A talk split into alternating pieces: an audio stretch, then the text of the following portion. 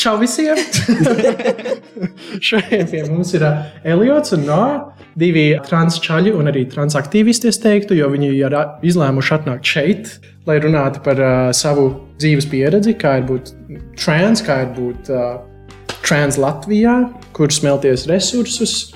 Es teiktu, ka arī epizodi dalīsim divās daļās. No sākuma parunāsim par kā, nu jā, tām jūsu pieredzēm, jo jums tas process, es pieļauju, ir uh, tāds konstants. Nav tā, ka tu vienā brīdī veic dzimumu maiņu vai tranziciju un that's it. Un tad uh, otrā daļa varbūt tās vairāk par tādām praktiskākām lietām. Jo es pieļauju, ka mūs arī klausās cilvēki, kuri varētu relētot ar jūsu sajūtām un saprast, ka, hei, es arī esmu tās trans, un uh, ko darīt, kur meklēt informāciju, kur smelties resursus, jo viena lieta ir iegūt angliski am I trans, otra lieta ir Latvijā atrast attiecīgās lietas, kas ir jādara, lai dzīvotu dzīvi pēc savas vislabākās sirdsapziņas. Yeah. Uh, pirmais jautājums uh, jums abiem. Mēs šo ierakstām transredzamības dienā. Jā. Tas ir vislabākais veids, uh, kā svinēt un atzīmēt transredzamības dienu. Ierakstīt šo. Jā. Uh, es domāju, arī iepaustot, kā iznāk no skapja, ja cilvēks jūtas gatavs. Uh, iepaustot kaut ko sociālos tīklos, iespējams. Jā, nošērot, kaut vai nošērot. Jā. Iepostošana un iznākšana par skapi. Jo, ļoti labi. Tas nozīmē, ka katrai dienai jābūt transredzamības dienai. Jā, true. un pirms mēs, pirms mēs ķeramies klāt sarunai kā tādai, nedaudz varbūt tās sensitīvāks jautājums, bet vai jūs prāt, mēs Latvijā kā sabiedrība joprojām esam tajā fāzē, tādā sākuma aizmetņu fāzē, kur būtībā visas diskusijas, kur ir iesaistītas transpersonas, ir par viņu eksistenci kā tādu. Mēs vēl nevaram runāt par uh, kaut kādām juridiskām lietām, jo cilvēkiem vēl nav īsti izpratne par to, ko vispār nozīmē būt trans. Man šķiet, ka visas intervijas, ko es esmu skatījies, kas ir ar transpersonām, ir tāds, wow, tāds cilvēks eksistē. Un, un, un, un, un kā, jā, mēs dzīvojam parastu dzīvi, un mēs eksistējam, un mēs ejam uz darbu, un rak, maksājam rēķinus, un kā, uh, mēs esam visur apkārt. Jā. no, ko tu saki?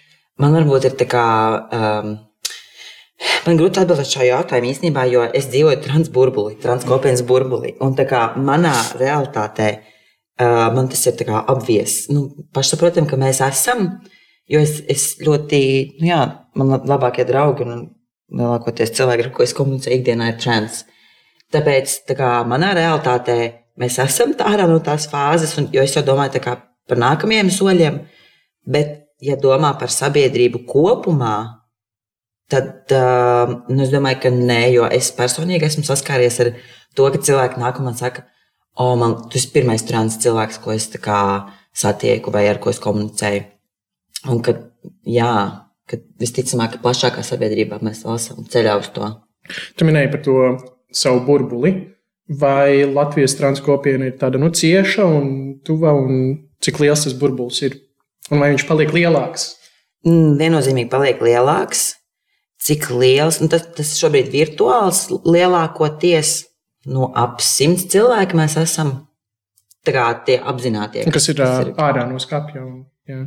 Pat ne ārā no skapja, bet kas ir tīri pievienojušies grupām. Aha. Jā. Okay. Vai mēs esam tuvi? Mm, virtuāli man liekas, ka jā. Jā, jā. Bet tad, kad mums ik pa laikam ir tikšanās reizes reālajā dzīvē, un tad mēs esam diezgan šaurs lokus parasti. Jā, līdz desmit. Jā. Tie drosmīgākie. Jā. Iziet no mājas prasa daudz enerģijas. Un, uh, ja drīkst par tādām personīgākām lietām, kādas bija jūsu, um, Elīte, tev pirmajam vēlos pajautāt, Jā. uh, tavs, tavas pirmās atklāsmes, ka tu esi trans? Hmm.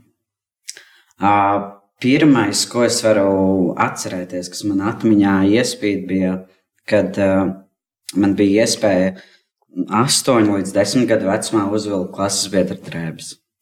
Un, un tad es sajūtos uh, vienkārši eiforiski par to, ka, ka man ir tā iespēja un cik ērti es jūtos. Un, un, uh, tā bija tā pirmā reize, kad es par to sāku aizdomāties. Un uh, pēc tam jau bija pubertātes vecums. Jā, kad uh, sāka viss mainīties, un bija tāds, mm, tas man nepatīk, un, un tas man rada ļoti lielu diskomfortu. Un uh, pēc tam, aptuveni 16 gadu vecumā, es vairāk meklēju informāciju par to. Uh, Un tad sapratu, ka es neesmu vienīgais cilvēks. Uh, ir, uh, ir nosaukums, un uh, šī tāda lieta eksistē, un tā disforija ir vārds un ir izcinājums. Jā, un uh, tajā vecumā es nebiju mentāli sagatavots uh, iekšēji, lai iznāktu no skapja. Tie vēl tā kā tīņu gadi bija. Jā, jā. Tāpēc arī tā iznākšana ir tikai salīdzinoši nesen. Cik tavuprāt, vispār droši pusauģiem un tīņiem ir, kuri vēl dzīvo ar saviem vecākiem, viņi apzinās pusauģu gados, ka, hei, es esmu trans, cik viņiem vispār caurmērā Latvijā būtu droši iznākt no skapja? Tas, manuprāt, ļoti atkarīgs ir no vecāku viedokļa. Un arī no skolas biedru, klases biedru, skolotāju viedokļa. Jo tomēr tā ir tā vide, kur tiek pavadīta visu ikdienu. Un ar vecākiem ir liekas, kaut kā jātaustās, mm. kaut kāds viedoklis jāuzzina, jo uh, tas tomēr ir laiks, kad mēs esam atkarīgi no viņiem. Mums vajadzīgs tas finansējums, un, un mājas un vispārējais. Un, uh, tas ir kaut kāds posms, kad, ja vecāki nav pieņemoši, tad ir jāpaliek skapī. Mm. Diemžēl. Mm. Jā, jūs arī abi minējāt par to, ka transredzamības dienā būtu forši, ja iznāk no skāpja, bet arī vienmēr ņemiet vērā, nākt ārā no skāpja tikai tad, ja ir droši. Mm -hmm. Jā. Nav arī baigi daudz Latvijā to vietu, kur tu vari aizbēgt naktas vidū, ja tev vecāki izliek no mājas. Jā. Kāda bija tava pieredze? No, kas bija tavi pirmie eifórijas brīži? Eifórijas brīži. Mm, tādi, ko es apzinos, bija diezgan vēlu. Kā man bija 24 gadi, kad es pirmo reizi nodzinu matus.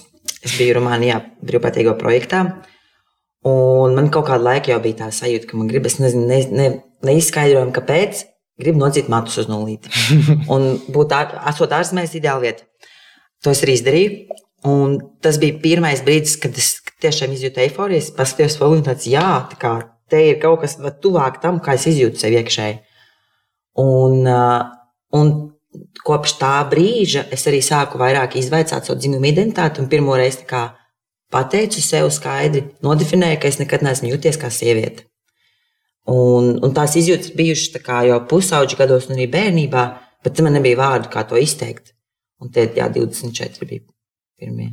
Pirmais laiks. Tas nozīmē, ka līdz 24 tev bija klapes uz ausīm uzliktas, ka tu pat nepieņēmi to kā opciju. Jā, Jā. Tā kā man nebija informācijas, ka kaut kas tāds vispār eksistē reāli. Nu, ne, es nezināju, kas vispār ir trans. Nu, kā, tu neesi bijis nekad, tu neesi nekad dzirdējis par kalniem, ka eksistē kalni. Tu, nezinu, kas tas ir. un, un jā, 24 bija pirmais laiks, kad es sāku par to aizdomāt, aizdomāties, izteikt skaļi savas izjūtas, bet man joprojām nebija tās to vārdu. Mm. Un tad 26, man liekas, bija, kad es pirmo reizi uzzināju par, vārdu, par terminu dzimumu disforiju. Tas gan bija nebinaritātes kontekstā. Un tad 27, kad kā, man aizgāja. Mm. Uh, es ieguvu informāciju, kas ir dzimuma disforija, trans, transpersona, ka ir iespējas transicionot. Wow! let's go! Nē, sākumā nebija let's go. Sākumā bija mīziens. sākumā tieši otrādi. No, es pieļauju, no sākuma var būt kaut kāds nu, kā, es nezinu, kā Latvijas tāds denial, ka tu pretojies tam kaut kādā veidā. Noliegums. Tās, jā, noliegums. Jā. Man bija tas, ka man bija ļoti bail. Tā kā es sapratu to, ka dzimuma pārēja ir veids, kā es varu risināt savu diskomfortu un dzīvot kā lielākā komfortā ar savu ķermeni. Bet man bija bail no sabiedrības. Man bija bail, kā es tālāk dzīvošu, kā es atradīšu darbu, kā es iziešu uz ielas un ko vispār apkārtēji teiks. Un līdz ar to es ilgu laiku šaubījos, vai man to vispār vajag. Kā, vai man vajag darīt to dzimumu pārēju. Jā, tā kā es, es to uzreiz pieņēmu, man, man kaut kā nebija tas denial. Mm. Bet man vienkārši bija bail. Mm. Abi minējāt arī tos vārdus, gan eifórija, gan disforija.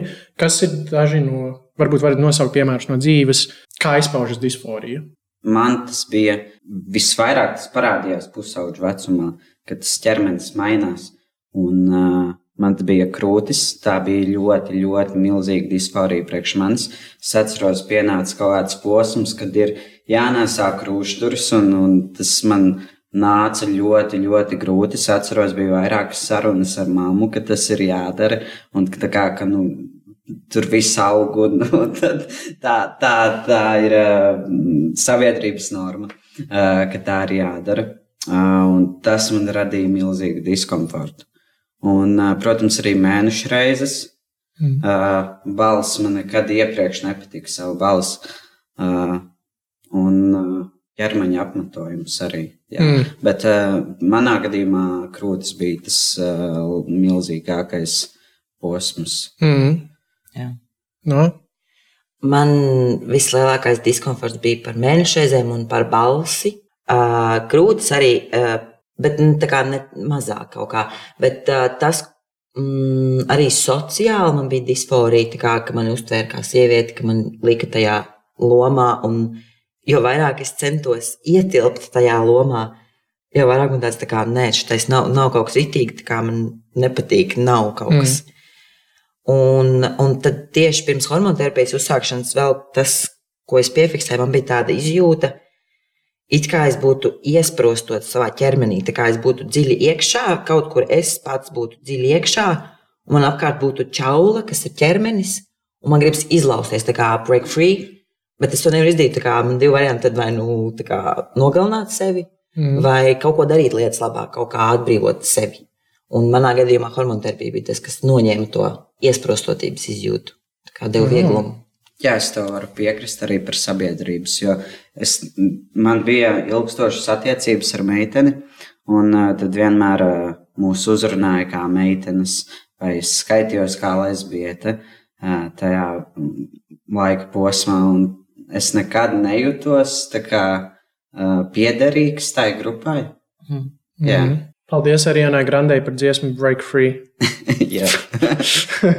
Uh, izskanēja jau pāris tādi svarīgi atslēgas vārdi uh, attiecībā uz to, ko jums personīgi nozīmē dzimuma maiņa, dzimuma pārēja vai transitioning. Kas vēl ir varbūt tās tie aspekti? Ir, nu, viens ir sevi iekšēji pieņemt, Jā.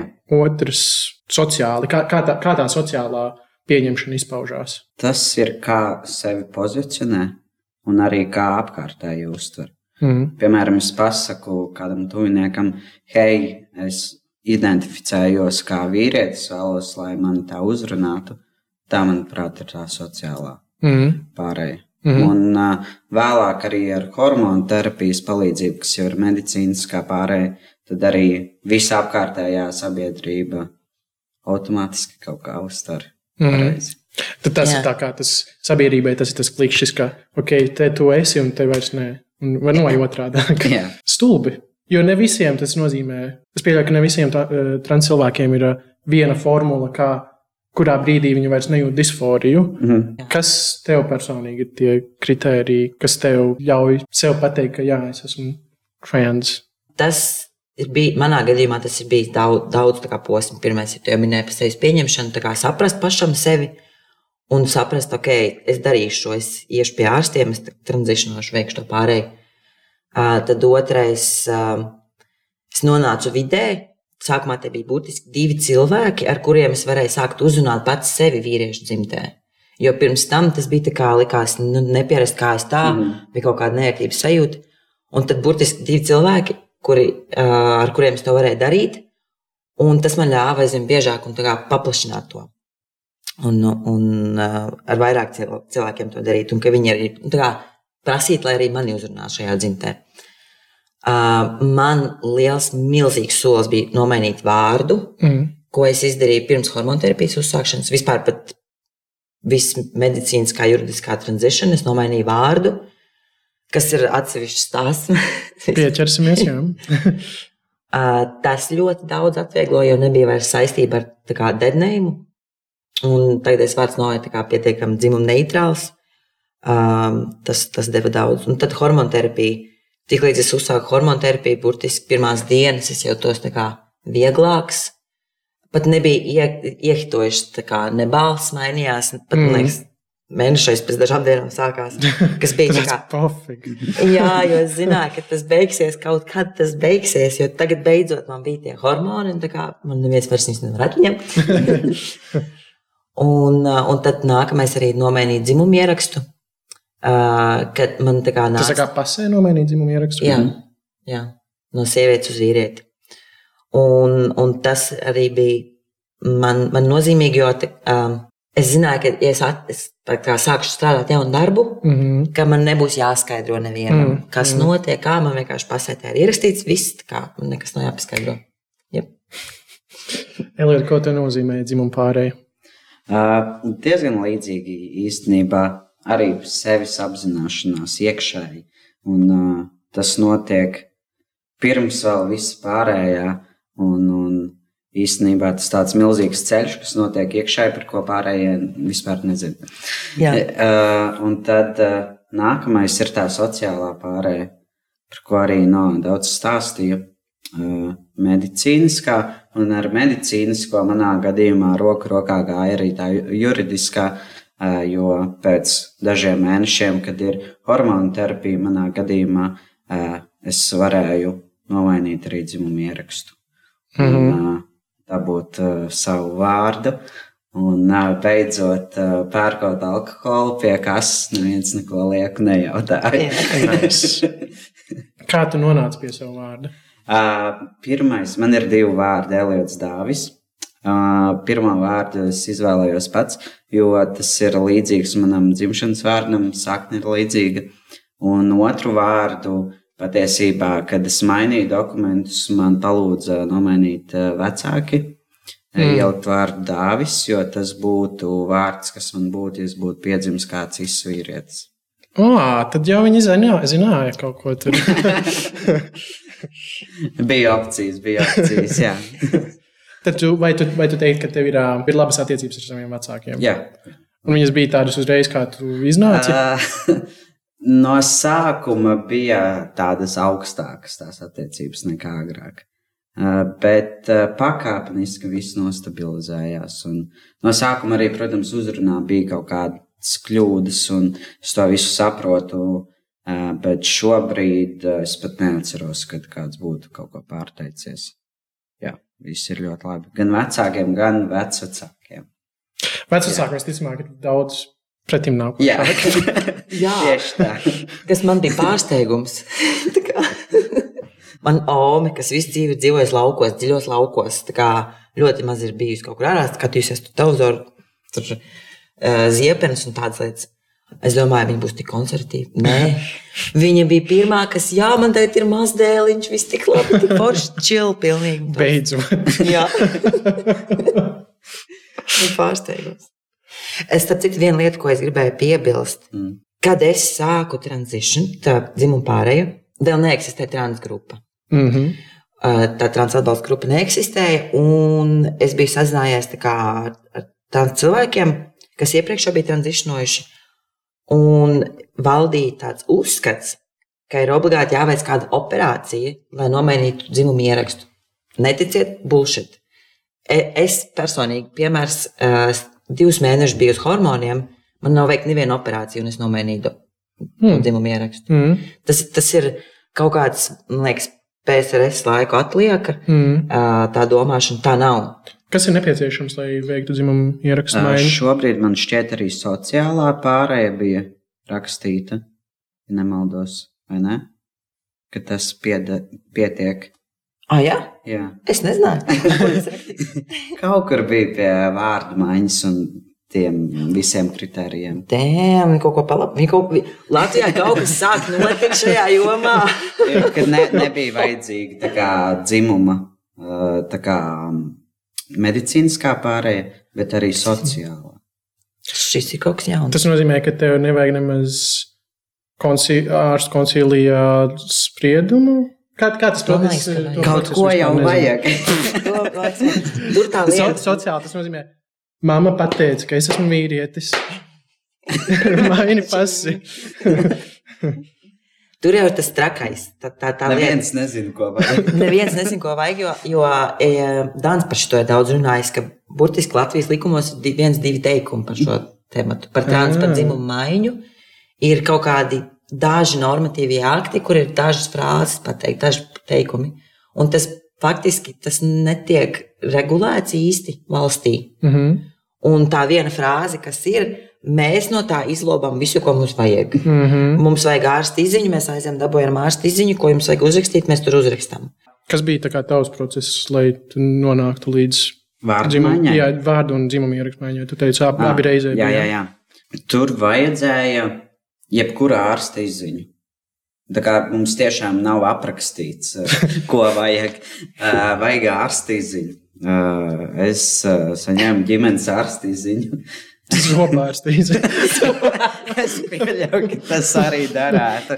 Jā, jau nav rakstīts kāda. Jā. Jā, vienkārši ārsta izziņa. Jā. Un tā kā, ok. Un es eh, ģimenes ārstam pateicu, kas jāraksta. Jo viņš, jo Jā. neviens ārsts nesaprot, ko ar mums darīt. Un uh, tad bija, tur ir svarīgs teikums, ka ir veikta daļai neatgriezeniska dzimuma pārēja no tāda dzimuma uz tādu dzimumu. Jā. Aha. Un, un tad ar to lapu var uh, visu mainīt. Kas skaitās kā neatgriezeniska dzimuma pārēja? Es zinātu, tā pateikt. Nu, tā kā- Zobārs zināt. Nu, es pieļauju domu, ka tas neatgriezeniski tur ir ielikts ar tādu domu, ka, lai tagad trans cilvēki nesāk dzemdēt bērnus un neuzskar sistēmu. Es varētu izdarīt. Ko mēs varētu izdarīt? Un, un ar tādu domu, ka tā kā, notiek kaut kādas pārmaiņas, kuras, eh, kuras kā, neizmainīsies. Bet Nu, ir balss, piemēram, Jā. mūsu gadījumā. Viņa, ja mēs pārtraucam hormonus, viņa paliek tāda pati. Tiešām, es nezināju šo. Un, Okay. man liekas, ka apmetojums arī. Jā, jā. Un trans sievietēm aug krūtis no izturgājuma lietošanas. Mm. Tas arī nemainās. Bet ir lietas, kas tā kā atnāk, atnāk kas nav neatgriezeniskas. Piemēram, ja es, mēs pārtrauktu lietot mm. testosteronu, tad mēnešais atgrieztos. Mhm. es domāju, arī citas sievietes var piekrist tam. es ka jā, jā. Šis, starp citu, man prasīja laiku saprast, apzināties. Man bija tāds, ok, visticamāk, visas vis, sievietes izjūt diskomfortu par mēnešu reizēm. ah, un tas jau to tā kā teica, ka. Okay. Un man bija tāds, kā tā nu, tā kā, ok, labi, visam, nu, šiem, vis, tā kā visam, visam tā ir. Bet man bija tā sajūta, ka tam mm. nav jānotiek ar manu ķermeni, ka tas ir nedabiski. Mm. Es kā racionāli saprotu, ka tas visiem ir diskomforts, bet tam nav jānotiek šeit. Un, un tas bija viens atslēgas kā, moments, kāpēc mm. tas nav vienkārši diskomforts, jo kaut kas tur asiņo, bet tā kā, mm. tā kā tirpiņas skrien. Jā, jā. Nedaudz atkāpjoties atpakaļ par tavu vārdu. Tu minēji, ka te, tu mainīji savu vārdu pirms dzimuma ieraksta mājas pasē. Kā tas ir iespējams? Tas ir tā. Vispār man par vārdu, es to pastāstīšu, viņš garāk sanāks, bet uh, pirmais vārds, ar ko es sāku iznākt sabiedrībā no skapjārā, social transition, bija Teo. Un joprojām daudz cilvēku, kas man kā, iepazina tajā laikā, sauc man par Teo, vai jautā, kā man labāk saukt. Un man īstenībā ir vienalga, jo es pieredzu pie abiem vārdiem, bet uh, tad es sapratu, jā, ka man tik liels diskomforts ar manu birthname, tā kā dzimto vārdu, kas ir mainīt vārdu. Es sāku googlēt, kā tas notiek. Atradu informāciju, visas instances, sāku rakstīt viņiem. Tā mēs darām. Jā, Labdien! gribu mainīt vārdu. Un burtiski es tā arī uzrakstīju Latviešu valodas aģentūrai, ka vai es varu mainīt savu vārdu uz vārdu Teo, paliekot tā kā iepriekšējā dzimumā, sieviešu dzimumā vēl. Jo es domāju, kamēr es tikšu pie hormoniem, kamēr es nomainīšu mm. dzimumu ierakstu, ka būs baigi ilgi, es nevaru gribi izturēt tikt vaļā no tā vārda. Jā. Un man val- valsts valodas aģentūra atbildēja, ka uz Teo es nevaru mainīt, jo skaitās vīriešu vārds. Aha. Un tad man tāds, ok, vajag žēl. Jā, domā, nāk, nu, tā kā cits vārds. Un tad tas stāsts, kā es tiku pie sava vārda. tas ir smieklīgi, kad cilvēki man tā kā jautā, ah, tur baigās bībeles vārds, tur no šķirts. Girl. Es ieraudzīju kebabnīcu ar uzrakstu, kā no man tā, jas, vajag labs. Halleluja! Jā. Un tad es, tad es pamēģināju, kā patestēju, man iepatikās. Uzrakstīju Latvijas valodas aģentūrai. Viņa Ja atbildēja, Again. Un viņi man atbildēja, ka no, var būt gan sieviešu, gan vīriešu vārds. Tas tā kā tajā brīdī nozīmē, ka es varu nomainīt. Un tad, kad es mainīšu dzimumu, ierakstu, ka viņš nemainīsies. Mm -hmm. Perfekti. Kainaf nebinārs vārds. Jā. Latvijā. Latvijā. Vai ir Jā. vairāk, vai tas ir vienīgais tāds vārds, ko var izmantot? Gan, gan. Es domāju, ka ir vairāki. Tiek veikts pētījums. Tiek veikts pētījums. Es biju sociālos tīklos ielicis tā kā anketu. Joprojām var, eh, var aizpildīt to anketu. Īstenībā tie, kas skatās, klausās. Un arī Linktree. Tas man liekas, mēs vēlāk par Linktree runāsim. Tur ir anketa par nebināriem personu vārdiem. Es, es tā kā tiek veikta aptauja. Uzzināsim, un tad būs atkal ēpasts valsts valodas aģentūrai. Tikai šoreiz ļoti garš. Un, un tā doma ir tā noskaidrot, kuri vārdi ir tie nebinārie, kurus cilvēki nu, varētu likt un Jā. un mainīt. Jo pēc manis, kad es um, nomainīju savu vārdu, pēc manis, cik es zinu, ir vēl trīs cilvēki nomainījuši oficiālu vārdus. Bez dzimuma ierakstmaiņas. Jā, Mm. Un vai tā vienkārši var, vai ja man, man likās, vismaz, ka ir jābūt kaut kādam, nu, protams, es, es- tu esi trans, tev ir pamatojums, bet vai var jebkurš cilvēks mainīt vārdu teorētiski, bez jebkurš, nekāda tā kā. tev ir jābūt pamatojumam. Jā. Jo tad, kad tu, ies, tu uzraksti iesniegumu, kā tur veidlapā aizpildi, un, pie, un uzraksti vēl argumentētu skaidrojumu, kāpēc to vārdu gribi mainīt. Mm. Un tad, nu, faktiski, mm, es domāju, ja tur raksta par dzimumu maiņu, tad iespējams, ka viņi prasīs kā, Kaut kāda pierādījuma. kaut kādu, jā, kaut kādu ārstu izņu, kaut ko tādu. Man bet, zobārsts teica, Bet, tā kā, let's be honest, mums visiem ir bērnības traumas. mm. Un tas ir iemesls, kas aiziet kā pa sviestu. Jo neviens viņus nepārbauda, neviens tev neliek iet nekādas izpētes. visiem latviešiem tāds. Es saprotu. Jā. Un vismaz tas ir tas, ko es rakstīju. Es ceru, ka tagad vēl tā kā aģentūra neizdomās kaut ko tur mainīt. Un tā īstenībā tieslietu ministrija, kas to ņemās. Es ceru, ka neviens neklausās no viņiem šo. Bet, bet tas ir tas, kas man nostrādāja par tajā bērnības traumām. Un tas ir tas, kas nostrādāja ar tiem pārējiem trim cilvēkiem, Mm. kas rakstīja. Un faktiski neviens tā kā īsti ne. Mm. Kad es mainīju vārdu, es rakstīju, ka man ir grūti iekļauties sabiedrībā ar tādu vārdu. Jā, Jo, jo manā gadījumā, kad tie- tiek nomainīts dzimuma ieraksts, tiek atstāts vecais vārds, tikai tiek nomainīta galotne. Un ļoti daudzos gadījumos tas skan. Labdien, mani sauc jā. Un līdz ar to es rakstīju, jā, ka man ir grūtības iekļauties sabiedrībā ar tādu vārdu. jā. Tas saprotams, jā. Un pie dzimuma ieraksta maiņas, kad maina, kā tur arī process. Uh, vispirms nomaina dzimumu ierakstu, un tad vārdu, mm. -hmm. pamatojoties uz dzimumu ierakstu maiņu. Bet tad tas process, lai nomainītu vārdu, ir vienkāršāks. Jo tad tas pamatojums ir, ka tu mainīji dzimumu, Mhm. Un nu, kad līdz ar to arī. tā Kā, Nu, tas atvasinātais vārds nav skanīgs. vienkārši. jā. Mm. Vai arī, vai arī pat, ja ir skanīgs, kad vienkārši tu jau sāk iznākt mm. Mhm. sabiedrībā, tā jau pazīst citā vārdā. Mhm. Mm. Un tas arī, ko es rakstīju savā tā kā vārda maiņas tajā eh, iesniegumā, tajā skaidrojumā, ka man jau zina, ka man jau uzrunā tajā vārdā. Mm. Ka man tā viss sauc, ka man būs vienkāršāk iet pie ārstiem, meklēt darbu, un nekad nevienam nekas būs, nebūs jāskaidro, kāpēc man citā vārdā sauc. Nu, tas kā atvieglos iekļaušanos sabiedrībā. Mm -hmm. Kurā brīdī dzimuma pārējais procesā iekšā ienāk tas ārstu koncīlijs vai kas tas tāds ir? Tas ir, kad uh, nolemsti veikt to medicīnisko pārēju. Okay. Jā, Pirms tu gulies uz operāciju galda, tad tev vajag jā, vēl vienu hormonu ārstu. terapijas.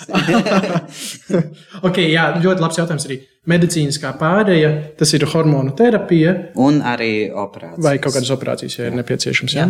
Okay. Bet operācijas es varu veikt arī bez, bez izziņas, varbūt tās, jo tā jau. Tas katrā klīnikā, es pieļauju, ir savs kaut kas. Mm. Ja tā ir privāta iestāde. Atkarīgs no operācijas Jā. arī. Jo cilvēki baigi trakā, nu, klasiskās operācijas visu kaut kādas taisa. Jā. Tā kā, piemēram, plastiskās operācijas, ja mēs runājam konkrēti par uh, top surgery, trans čaļiem vai nebināriem uh, krūšnoņiem, tā kā jā, krūšnoņošana, tad uh, kāpēc šis sievietes un šis vīrieši var taisīt lielākas, mazākas, kādas grib, kāpēc trans cilvēkiem ir vajadzīga kaut kāda tā kā diagnostika. Zobārsta izziņa. Joprojām. Sorry. ok. Uh, kā ir, kāda ir jūsu attieksme pret, es nezinu, vai šis būs kontroversāli. Um, ir, piemēram, nu, Ziemeļvalstīs ir tas, ka būtībā tev neko daudz nevajag, lai tu varētu veikt. Tev neko nevajag, vari aiziet uz uh, to PMLP un teikt, ka, ok, es varbūt tās tagad meloju un izplatu fake ziņas. Pieņemsim, ka ir tāda valsts, kuras aizēju uz pasu nodaļu un saku, hei, es gribu mainīt dzimumu. Uh, Vai tam vajadzētu, jūsuprāt, būt tik vienkārši, vai ir jābūt kaut kādiem checks un balances? Vai... Manuprāt, vajag kaut kādus čekus. Tas, tas process, kā ir Latvijā, ir diezgan atbilstošs. Um, tas process ir katram savādāks. Jo mums joprojām, kā mēs teicām, nav uh, kur pieķerties. uh, bet, manuprāt, vajadzētu ārsta izziņu. Varbūt ne zobārsta. bet uh, ģimenes ārsta vai psihiatra izziņa, man, manuprāt, būtu ok. Mm. Es piekrītu, jā, ka, um, ka kaut, kādam, kaut kādai iešanai pie ārsta vai speciālista būtu jābūt. Um, bet tā, lai tas nav tā kā pārāk sarežģīti. Nu, tā kā Es pat, es pat uzskatu, ka to psiholoģisko izpēti, kas līdz šim mums ir jāveic, tā kā mēs aizējām pie psihiatra, tad ir psiholoģiskā izpēta pie klīniskā psihologa, un tad ir atkal pie psihiatra. Un tad, tad atkarībā vai tas ir privātais vai valsts, vai nu konsultēs, vai uzreiz iedod to, to diagnozi. Es domāju, to psiholoģisko izpēti nu, īsti varbūt nevajadzētu. Atvainojiet, klīniskie psihologi. Jūs neko nezināt? Bet nu, man tajā izpētē bija rakstīts par manu domāšanas veidu un man, par manu personību. Un tur bija pašā beigās viens teikums par dzimumu identitāti. Es nezinu, kāpēc man vajadzēja iet uh, trīs dienas, uh, Mm. pildīt visādus testus. Jā. Uh, jā, un, jā, maksāt par- par to. jā. Un gaidīt. Grūtākais ir gaidīt. Bet, Balka pateiks, nē. Ah, jā, nu. Vai ir risks, ka pateiks, arī- nē? Arī, Uf. arī no tā, nu, vismaz man bija bail, jā, līdz, līdz pēdējiem, līdz es dabūju koncīlī atzinumu uz rokas. Man bija bail, ka man pateiks, nē, tā kā you're faking this. bet, bet, jā, runājot tā kā par to, vai vajadzētu kaut ko, nu, es uzskatu, ka, um, ja cilvēkiem būtu jebkuram brīvi pieeja tagad mainīt pa labi, pa kreisi, hormonus lietot un viss, ka iespējams būtu cilvēki, kas um, jauktu dzimuma disforiju ar ķermeņa dismorfiju. Mhm. Un tā kā es jūtos diskomfortā ar savu ķermeni, tad I, mu- tā kā, I must be trans, man droši vien ir disforija. Uh, kas varbūt nevienmēr atbilst realitātei, un tad, tad tā kā, lai izvairītos no riska par uh, to detransition, Mhm. ka es uzskatu, ka vajadzētu aiziet vismaz pie kāda speciālista aprunāties. Bet pie kāda, kurš orientējas šajā lietā, nevis tā kā iedos kaut kādas. Vai kopumā Latvijā ārsti, ja izskanēja arī iepriekš, ir zinoši? Jūs ejat pie ārstiem, pie ģimenes ārstiem vai kaut ko, un vai nav tā, ka jums ir jāmāca savi ārsti? Ir. Varbūt ir kāds atgadījums, vai Uh, nesaucot, protams, ārstu vārdā, vai saucot. nē, nē, nē, saucot vārdā. Uh, pie katra ā- ārsta uh, nekad nevarēja zināt, vai viņš būs atbalstošs, vai viņš būs ziņu, zinošs. Uh, bet bija man pašam pieredze, kad es biju kā pacients slimnīcā. Un uh, visi, visi slimnīca zināja, ka ir transpersona slimnīcā. Uh, Paga, paga. Un man jautāja par nodaļām, kuras ērtāk jutīšos, un ko un kā darīt par dušām un visu. Un uh, vairāk ārsti nāca pie manis konsultēties, kas ar mums ir jādara. Tā kā ja atnāk pacients, kas ir transpersona, ko ar viņu darīt. Un, uh, es sapratu, ka tā ir liela problēma, ka mediķi vienkārši nav izglītoti par šo jautājumu. Mm. Un uh, es pats esmu mediķis. Un tuvākā vai tālākā nākotnē es vēlos izveidot uh, kursus, jo mums visiem ir jākrāj kredītpunkti, lai uh, savu kvalifikāciju kā, apstiprinātu. Tam vajadzētu būt A kursam. Jā, un uh, šos kredītpunktus var krāt uh, kursveidā. Un vēlos uztaisīt kursu par uh, transpersonām, lai mediķi ir zinoši, kā mūs uzrunāt un ko mums vajag, kādus izrakstus un kādas pārbaudas. Jo, jo es saprotu arī viņu pusi, ka vienkārši tās informācijas nav. No, kāda tev pieredze? Vispār kopumā par ārstiem runājot, ir daži ārsti, kuri kā orientējas šajā jomā. Mēs runājam par uh, psihiatriem, par endokrinologiem. Uh, tad jā, mēs krājam informāciju, kuri tie ir. Mums ir savi saraksti, un kā, uh, pie tiem mēs ejam, pie citiem nē. Kamēr mēs nenoskaidrojam, vai mm. citi arī orientējas. Uh, man tā kā īsti tāda kaut kāda kurioza vai kāda nav bijuši, bet uh, par ģimenes ārsti uh, mums bija ļoti atklāta saruna. Um, jo es jau pirmajā vizītē viņam pateicu, ka esmu trans, tā kā visu izstāstīju, visu atklāti. Un viņa uzreiz pateica, es kā, nezinu daudz, man nav lielas pieredzes. Es kā, īsti nezinu, kas, kas ir jāpārbauda, ko tev citi ārsti pārbauda, ko man pārbaudīt. Bet, bet viņa teica, ka viņi, ir, gat, nu, ka viņi ir pretim nākoši, ka viņi ir gatavi mācīties, mm -hmm. ka viņi man jautāja, ko man vajadzētu. Ka, kā, viņi nezina, bet ka viņi, ka viņi ir gatavi palīdzēt. Mm. Kad nav pavisam slikti. Nav tā, ka visi ārsti ir transfobiski. Jā, jā, jā. Un, un, un nav tā, ka vispār neko, neko nezinu. Mm. Bet varbūt, jā, nu, es, tas kurs, golfa Jā. Un arī man bija vēl viens atgadījums.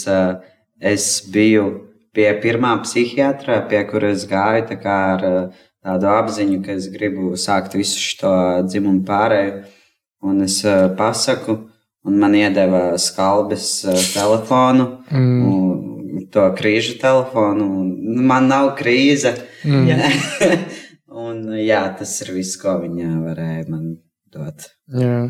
Un es esmu dzirdējis arī no cilvēkiem, ka ir, ir dažādas pieredzes ar psihiatriem. Piemēram, ir bijušas, kad aiziet pie kāda, kurš vispār vai neorientējas, vai pats ir transfobisks, ka sāk viņu tī kā nolikt. Nu, kā, kādu bezmazliet kroplīgi dzīvos tālāk savu dzīvi.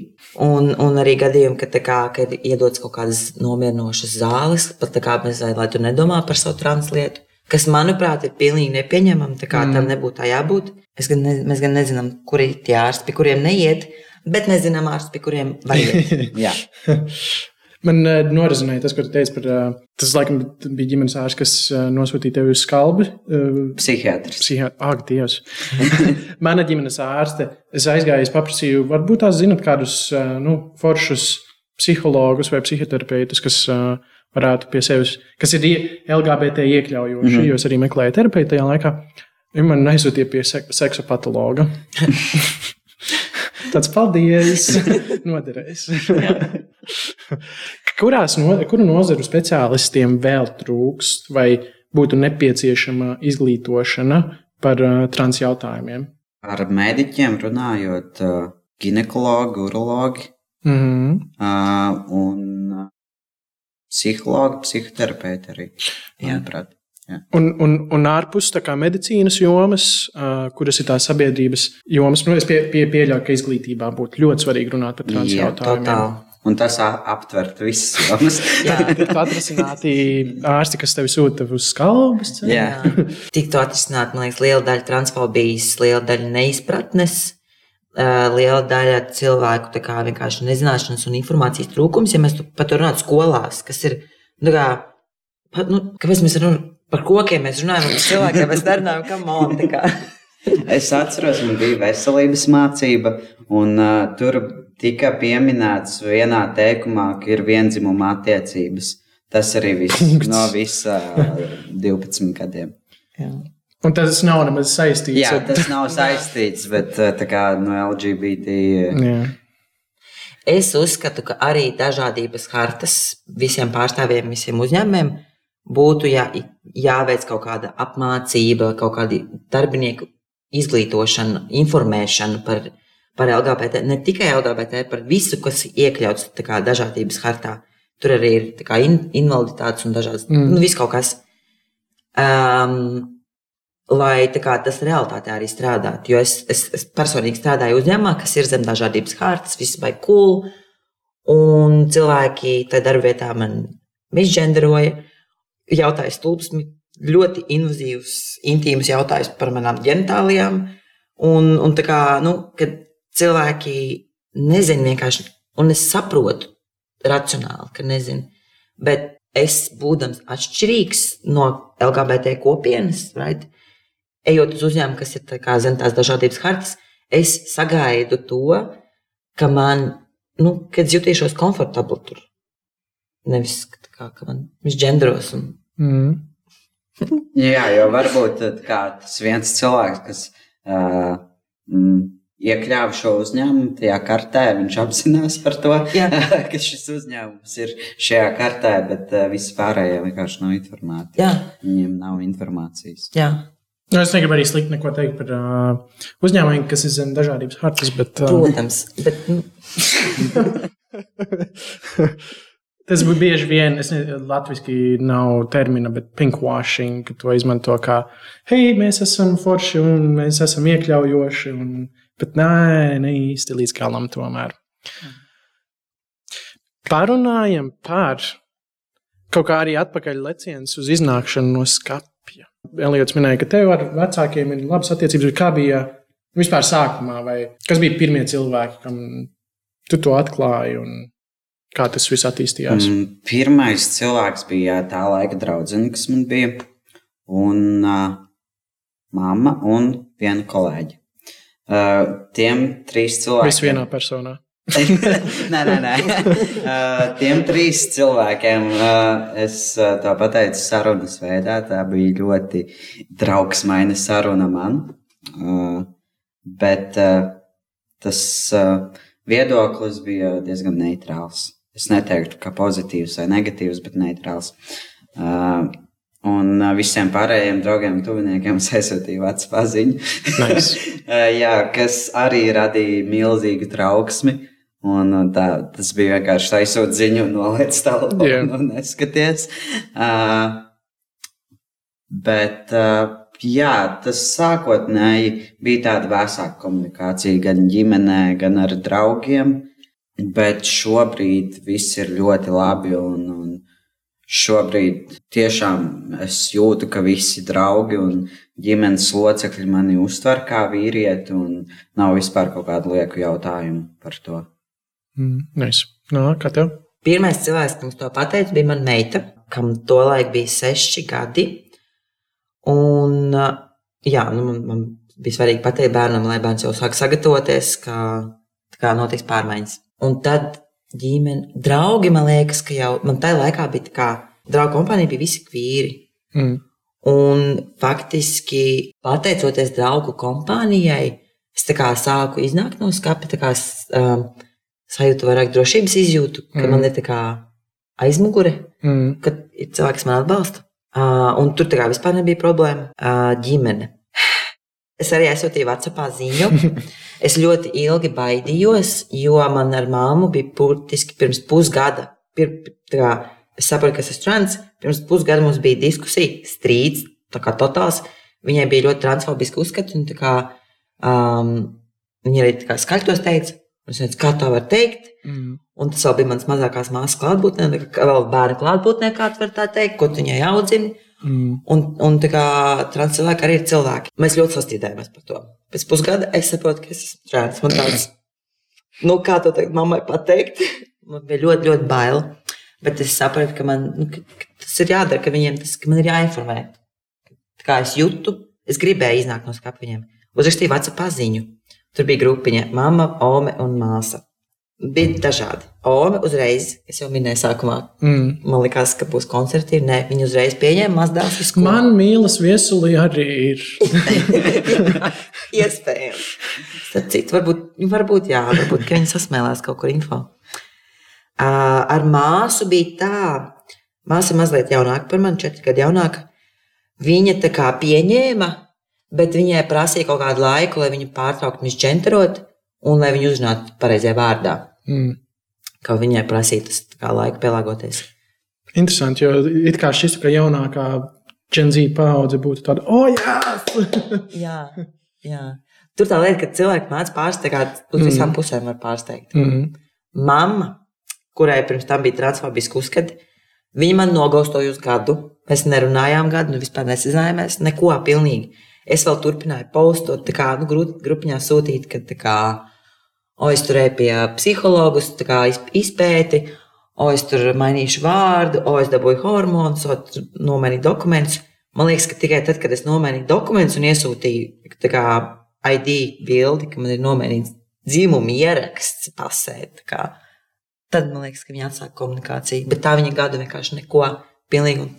Tā laikā es biju rītīgi, tā kā kaut tā vari. Bet tagad, skatoties, es saprotu, ka viņai vajadzēja to laiku. Kā, es saprotu viņu tagad. Tas, bija, tas man liekas, ir liels lēciens no transfobiskām domām uz to, ka mans bērns ir trans, es viņu pieņemu mm. un mīlu viņu arī ar to visu, ka es kā, varbūt agrāk domāju, ka tas ir nepieņemami. Un jā, tā kā bija dažādi. Pārējiem es īsti neesmu neko teicis, bet kaut kā visi visu zina, jo laikam visi visu runā. ja tāds sīn.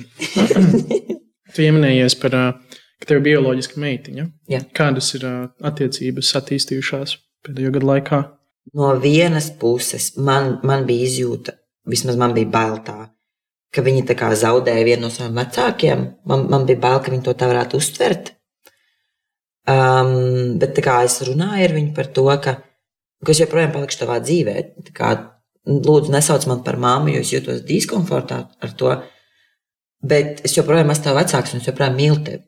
Un tādā ziņā man liekas, ka tas, tā komunikācija mūsu starpā ir, ir, ir tieši dzimuma pārējais kontekstā ir pavēr, paplašinājusies.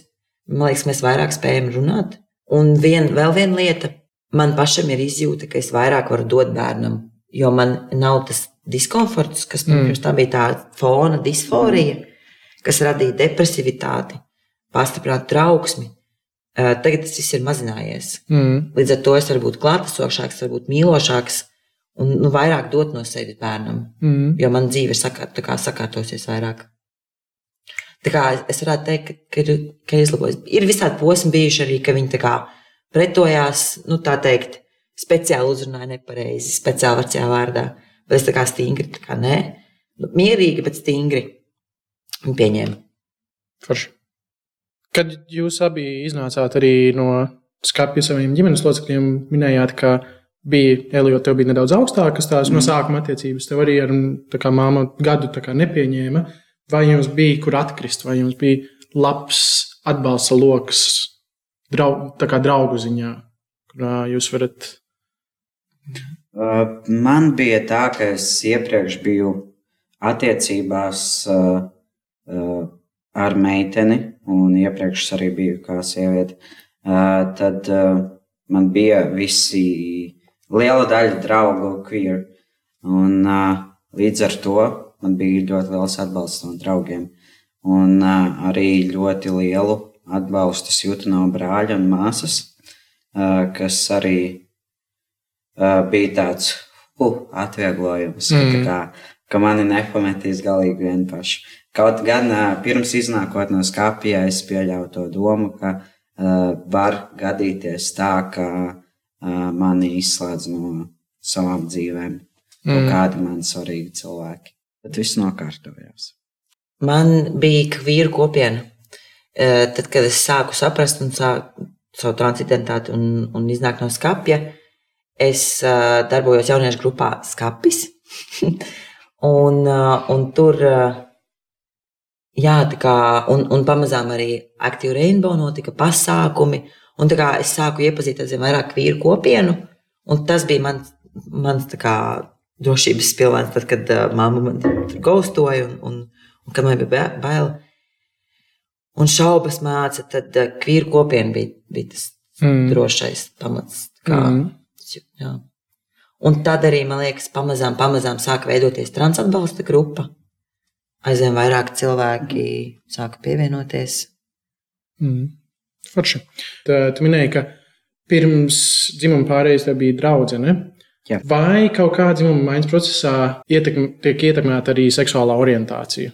Hmm. Manā gadījumā tas bija divi dažādi sevis atklāsmes procesi. Uh, viens bija apzināties, ka man patīk sievietes, Un viens bija apzināties, ka es esmu vīrietis. Um, manā gadījumā uh, tas, kad es nolēmu iznākt no skapja, pilnīgi nekā nemainīja manas seksuālo orientāciju.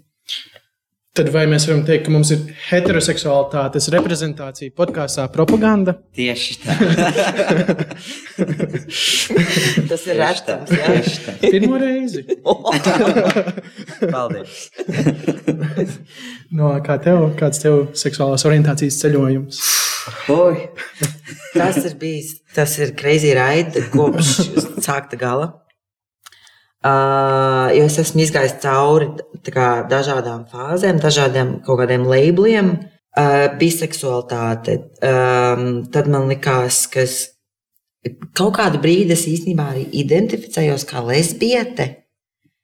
Līdz brīdim, kad man bija tāds, nē, es esmu aseksuāls, man vispār neinteresē nekas. kā. Līdz brīdim, nē, nu, kā kaut kāda interese tomēr ir. Nu, tā kā demi biseksuāls. Tas viss ir līdz brīdim, kad es sapratu, ka es esmu vienkārši pēdiņš. Laipni lūdzu bariņā. Un to es sapratu nesen. Un kā, um, manā gadījumā gan tas ir, ir kā dzimuma pārēj to ir ietekmējusi savā ziņā, jo man vienmēr ir patikuši vīrieši, bet man bija sajūta, ka tur noteikti ir kaut kas gejisks par mani. Nevar Mm. būt, ka es esmu streit. Tāpēc vienkārši- jau bija tāds lesbiete. Jā, un tāpēc man pirmais es pieņēmu biseksualitāti, jo tur Right. jau ir tā kā ceļš. Sorry, biseksuāli. Jūs reāli eksistējat, bet cilvēki, bet cilvēki iet dažādi fāzēm cauri. Man liekas, tā kā there must be something gay here. Mm. Tāpēc droši vien biseksuāli, jo man taču patīk vīrieši. I cannot be lesbian, right? Ok, biseksuāls. Bet tā, kāpēc, kāpēc es identificējos kā lesbiete? Es nezinu. Nu, kaut kas gejs. Kaut kas gejs. Jā. Un, un nu, make sense, kāpēc es identificējos kā aseksuāls, tāpēc, ka es tajā brīdī deitoju čiepas. Tā kā man neinteresē. Right. Tas bija ace. Jā. Bet tā, kā, bet tā interese, nu, tā kā attraction, um, pievilkšanās vīriešiem vienmēr ir bijusi, bet ne kā sievietei pret Mm. mm. vīriešiem. Mhm. Ne, ne tā, ka streit čaļi uz čiepu, Mm. geji, tā kā totally geji. Mm. Man patīk vīri vīrieši, man patīk, es patīku čaļiem kā čalis. Right. Un, un tur tiešā Tev kā, veidā, geji pat, tev, tev kā gejam patīk geji. jā. Jā. Nu, varbūt arī bāji. Kā Kuri eksistē? eksistē, jā. Nē, pie, pie šīs savā ziņā biseksualitātes tēmas nedaudz pieskaroties, ir arī man, kad es sāku apzināties savu gejiskumu. Pirms es iznācu no skatu kā gejs, es ļoti ilgi apspēju iznākt no skatu kā biseksuāls, pieņemot to kā soft variantu, mm -hmm. Jo nu, tas varbūt, tās, varbūt vecāki sapratīs labāk. Vai arī dzimuma maiņas procesā ir kaut kāds tāds vidusposms potenciāli, kurš varētu likties tāds drošāks. Mm, Nebija. Laikam, ka nē. Vai tu vari iznākt kā nebinārs, jo tas ir tā kā. Mm, Man liekas, ka nebinētāte varētu būt. Nebin... to varētu būt grūtāk saprast. Arī. Šķiet. Tā kā sabiedrībā Jā. Iesp... iespējams. Mammai tāds, nu ko tu tur runā? Iespējams. Bet es esmu dzirdējis reāli cilvēkus, kas, kas ir teikuši trans vai sievietes vai vīrieši, kas, kas, kas ir identificējuši kā nebināri sāk, tā kā sākotnēji, lai tādi, jā, līdzīgi, kas soft, soft, Mm. soft kā. Nebināri cilvēki eksistē Bet tajā arī. pašā dzen. laikā, jā, šīs identitātes arī ir uh, valīdas. Jā, jo kind of es varētu teikt, ka es um, tikai nesen kā sāku uh, identificēt sevi kā trans puisi. Mm, mm Mm. Jo es arī ilgu laiku identificējos kā nebinārs, un šobrīd es kaut kur tā kā pa vidiņam starp nebinārs un trans puisis, bet tā kā izskan tas, ka, ka, ka trans mm. čalis, actually. Kad varbūt, kad pēc gada es sapratīšu, ka es esmu totāli čalis, vienkārši super pēdiņš. Un... Nu, lai veicas. es tev citu par to pēdiņš, par to uh, owning the slur. Es smēlos iedvesmu no Bruno un Ieva, ka runāju. Jā. Tā kā atbrīvojiet šos vārdus. Jā, jā, es esmu pēdiņš. Uh, kā Latvijas medicīniski Latvijā būt transpersonai, vai tā skaitās kā diagnoze, tā kā tra- um, dzi- dzi- dzimtas identitātes traucējumi, kaut kas Dzimuma disforija, transseksuālisms. Pēc kārtas. 4, Jā, 0, jā F64. 0. Okay, tad jūs identificēties kā cipari. Okay. Jā, Vai ņemot vērā, ka tā ir diagnoze, vai, vi, vai visi šie procesi, dzimuma pārējai, maiņai, ir valsts apmaksāti? oh, hell no. We wish. jā, Oh. uh, viss jāsaka pašiem. Bet tas Jā, ir atkarīgs. uh, varbūt no sava veselības apdrošināšana. Vai veselības apdrošināšanās ir iekļautas lietas, kā piemēram hormonu terapija vai Nu, tur ir endokrinologa vizīte, piemēram, nu, kā ārsta speciālista Ah. vizīte. Atsevišķās arī psihiatru vizītes. Es zinu, ka piemēram psihiatrs un uh, psiholoģisko izpēti ir iziets caur Mhm. apdrošināšanu. Valsts to ne, nes. Nē. Bet, piemēram, Bet disforijas, kas ir kaut kādas ar ķermeni saistītas disforijas, to nu, ķirurģiskas iejaukšanās tās netiek saktas. Mhm. Mm. Mm -mm. Vienīgais um, ir, atš ir atšķirība arī starp citu procesā. E, Ir atšķirība, vai iet pie privātā psihiatra vai pie valsts psihiatra. Mm -hmm. Process ir vienkāršāks, bet biku dārgāks pie privātā, uh, biku sarežģītāks, mm, mazliet lētāks, var sanākt, bet tāpat savas izmaksas ir pie valsts. Un es gāju pie valsts, tu gāji pie privātā. Jā. Un pie valsts psihiatra tā, ka tā kā, vizītes ir bezmaksas, bet tas ir standartā visiem cilvēkiem. Tā kā pie valsts mhm, psihiatra mhm. bez maksas. Uh, bet bija jāmaksā par uh, asins analīzēm, lai noteikti chromosomas un par ārstu konsultāciju. Tā kā nav tā, ka visu apmaksā. Mm. Un par izpēti. Man liekas, ka es izgāju bez maksas. Man liekas, ka man psihiatri kaut ko samuhdīja. tur. Kāda jēga ir noteikti chromosomas? Nekāda. Es nezinu, lai viņi pārliecinātos, tā kā for sure, ka es piedzimu bioloģiski ar XX. Aha. Un, un tas, ka es saku, ka tā kā, es nezinu, varbūt vai interseks cilvēks. Interseks cilvēki, jā, varētu. Iespējams. Es pieļauju, ka tas varbūt kaut kādam savam iekšējam pētījumam. Tas ir dārgi, tas, tā kā, Jā. tas ir vairāk kā 100 eiro, pat ja ne vairāk. Mm. Un to gan neapmaksā. Tad kā ir, kādi ir tie mehānismi, kā vislabāk tikt pie naudas Latvijā trans cilvēkam? Vai nopelna sakrāja, Jā, vai, vai um, ir cilvēki, kas um, veic kā, nu, ziedojumu, ziedojumu kampaņas taisa. Mm. Mm. Bet uh, ir atkarīgi, kā atkarīgs, kam, kam to naudu vajag. Jo, lai Mm. mm. tiktu pie diagnozes, es teiktu, nu, maksimums 500 eiro, lai Mm. tiktu līdz diagnozē. Bet tas mm. tā kā Mm. griezti. jā. Protams, individuāli. Varbūt arī. Man šķiet, man aizgāja kaut kādi 400. Aptuveni varētu tā būt. Jā. Tas ir privātais. Man bija ap 250. Un vai Latvijā ir arī piemēram, ķirurgi, kas veic dzimuma maiņas uh, operācijas? Tā kā augšā vai apakšā. Gan, gan. Jo, jo operācijas arī daž, nu, tā kā dažādas var būt. Mastektomiju veids Latvijā par kvalitāti. Katrs var spriest, kas viņam ir pieņemoši. Par apakšas operācijām. Es zinu, ka mūsu gadījumā var izņemt olnītes, var izņemt dzemdi, bet kaut ko veidot vietā, man šķiet, tas nav Latvijā iespējams. Jā, es domāju, kaut kādas tā kā dzimumu, piemēram, dzimumu orgānu operācijas, tā Jā. teikt. Jā. Ārējo dzimumu orgānu Jā, veidošanas tiešām. operācijas es neesmu dzirdējis, ka Latvijā Jā. būtu. Ā, Tā izemē ir, man liekas, gala mērķis pārsvarā. Laba vieta biznesa idejai. Starp citu, jā, Valsts ķirurģija. apmaksātāji. Un kas ir personīgi jums bijuši vislielākie um, izaicinājumi savos kā, ceļojumos? Ir, ir vairāki. Viens ir tas, pirmkārt, bija pārvarēt pašam savas bailes, veikt dzimumu pārēju. Mm. Un tas, tas tā kā tik pār tām šaubām, vai man to vispār vajag. Tas bija izaicinājums liels. Tā kā darbs ar sevi reāli.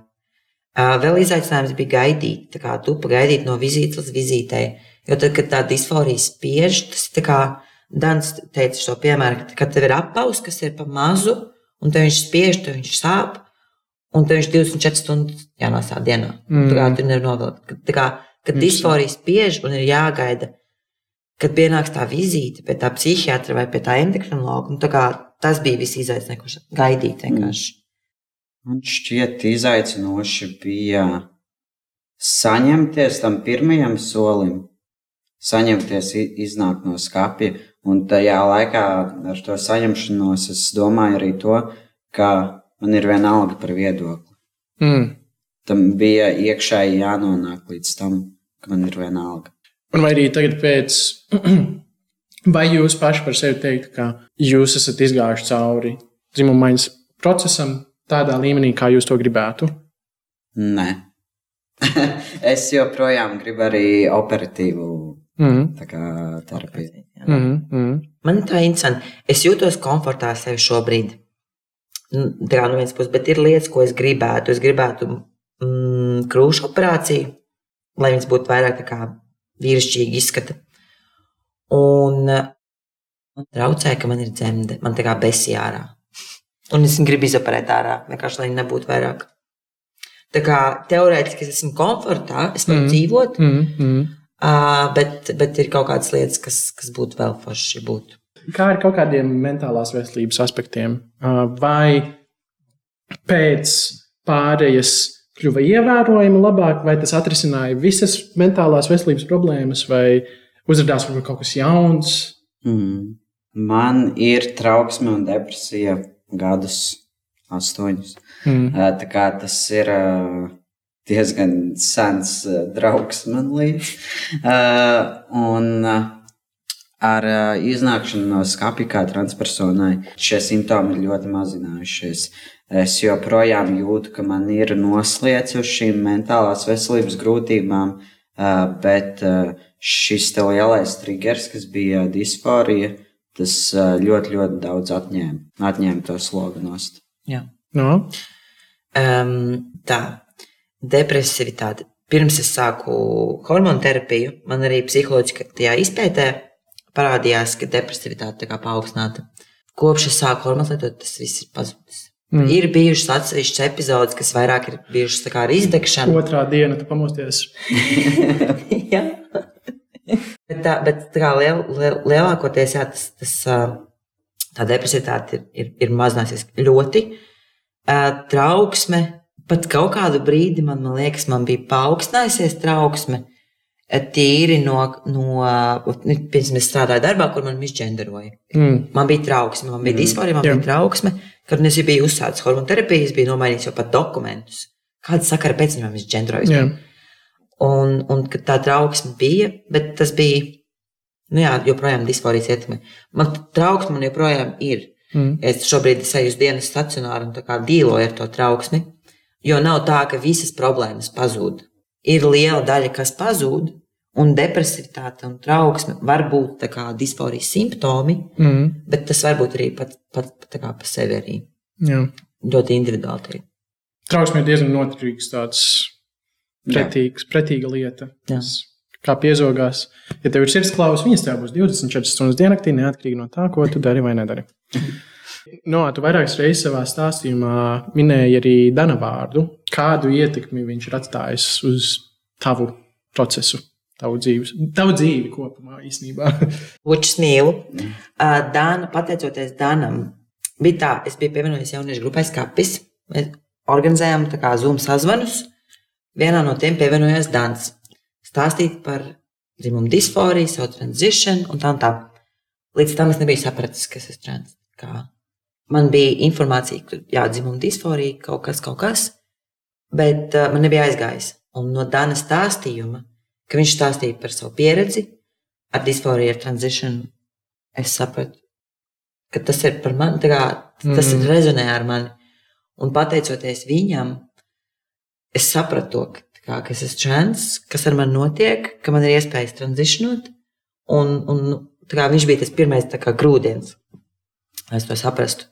Un, jā, un tad, tagad ir pagājis laiks, bija, kā, kad man bija disforijas visgrūtākais posms. Viņš bija viens no cilvēkiem, kas bija man vistuvāk Mm. un tā kā atbalstīja, kas es ticu, ka bija grūti. Sorry, bēj, paldies. uh, bet uh, šobrīd Dans man ir viens no labākajiem draugiem. Tā kā arī Eliots. Uh, es man bestīju tranzīciju. Līdz ar to Dan, jā, es pieminu daudz Danu, jo jā, lielā, lielā mērā pateicoties viņam, es esmu te, kur es esmu īstenībā. Es arī pieļauju, ka daudzi, es ceru, ka daudzi, kas no mūsu klausītājiem un skatītājiem, kas arī skatās, viņi arī dzird jūsu stāstus, un arī viņiem rezonē, un viņiem ir tā apjausma. Ja es kā klausītājs saprotu, ka, oh, oh. ko, ko man darīt? Kur es, kur, ko, ko, ko man sāk darīt, kur man ķerties, um, kam man rakstīt, kam man zvanīt? Es teiktu, pirmais, pirms pat īstenībā pie ārstiem iet, es teiktu, pirmais ir vai nu iegūglēt, vai Facebookā, vai Instagramā uzrakstīt trans atbalsts. Jo mums ir Linktree, mums ir Facebook lapa un Instagram lapa. Jā. Nesen, nesen Jā. Mēs pastrādājām. strādājām. Pirms šīs intervijas. Tas ir uz Instagram un Facebook. Jā. Jā, Uh, bet bet Linktree bija arī. Trans atbalsts jā. vienā vārdā. Jā, uh, dažādi. nu, divi vārdi. Trans atbalsts. Ok. Jā, jā. Un, un tajā, vai nu Instagramā, Facebookā, vai arī Google, var atrast Linktree, uh, kur ir Kas tas tāds? pirmkārt Linktree. Tas ir tā kā Nu, Google Drive. links uh, uz. Nu, tur ir daudz tādu informāciju. ok. jā. links, kur ir linki. Kur, okay. nu, tur ir podziņas ar uzrakstiem ar uzspiežu, ko Jā. grib zināt. Mm -hmm. Un tur ir resursi. Pirmkārt, tur ir visa informācija, kā, kur iet, pie kādiem ārstiem, kādi ir soļi, Mm -hmm. uh, kas tālāk par endokriniem, par dokumentu maiņu. Tā kā galvenā informācija par procesu kā tādu. Soli pa solim, kas un kā jādara. Mm -hmm. Bet man liekas, ka svarīgākais, kas tur ir, ir anketa uz WhatsApp grupu. Jā. Uz trans atbalsta WhatsApp grupu, kur uh, mēs esam savējie, Mm -hmm. kā līdzīgie, uh, kas, kas varam visādi atbalstīt, uzklausīt. Jā, Un- tā ir ļoti neformāla vide, neformāla grupa. Un, un mums ir arī tikšanās reizes, kas ir vienkārši kaut kādā kafejnīcā vai bārā. Tas nav kaut kas tāds ļoti oficiāls vai kaut kas no kā būtu jābaidās. Mm. Tā ir ļoti neformāla vide, kur mēs viens otru uzklausām, atbalstam. Un tās tēmas nav tikai par ā, ā, kaut kādām specifiski transpersonu tēmām, bet ā, vispārīgi. Mēs sūtām kaķu bildes. Un, Jā. Viss kaut kas tur notiek. Jā. Un, ja varat paskatīties kamerā, ko jūs teiktu cilvēkiem, kas klausās, un varbūt tās saprot, ka ir trans. Īstenībā viena lieta, ko es gribu pateikt, šodien arī storiju iepostoju Instagramā, kurš to rakstīja, bet man liekas, ka tas ir svarīgi pateikt arī šeit, ka ne visi cilvēki veids dzimumu pārēju. Ne, mm, ne visi cilvēki to vai nu var atļauties, vai ir gatavi, vai medicīniski var, bet tas cilvēks nepadara mazāk trans. Un tā kā pat ja cilvēks, piemēram, nepēsot tādu pēsu, nu, ja trans čalis saka, ka ir čalis, bet izskatās pēc čiepas, viņš joprojām ir trans čalis. Tā kā, vai tiek veikta pārējai vai netiek veikta pārējai, tas neietekmē identitāti. Mm, ko vēl meklējiet mūsu Jā, transatlantiskās droši varat mums pievienoties. Un būs daudz informācijas un daudz forši pasākumu. Paldies, ka klausījāties. Man liekas, šī bija ļoti, ļoti vērtīga, ļoti, ļoti vajadzīga un noderīga epizode. Lai pēc, nezinu, ne pēc gada, bet pēc pāris mēnešiem mēs atkal varētu satikties un runāt vēl par dziļākām lietām. Turēsim mīkšķus, ka tā arī notiks. Jā, mēs daudz izrunājam, bet man ir sajūta, ka vēl daudz kas pati Mēs paliek. nostrāpējām virsmas no visa. Jā, jā, jā. Būtu laiks, kā rakt dziļāk. Jā. Jā, trans atbalsts, Facebook, Twitter, Instagram. Paldies visiem ziedotājiem, kas atbalsta propagandu. Paldies aktīvo iedzīvotāju fondam, pateicoties kam šis podkāsts vispār ir realitāte. Un uh, meklējiet informāciju mūsu mājaslapā, sevis.lv, slīpsvītra propaganda. Haha! Paldies! Davai, čau! Čau!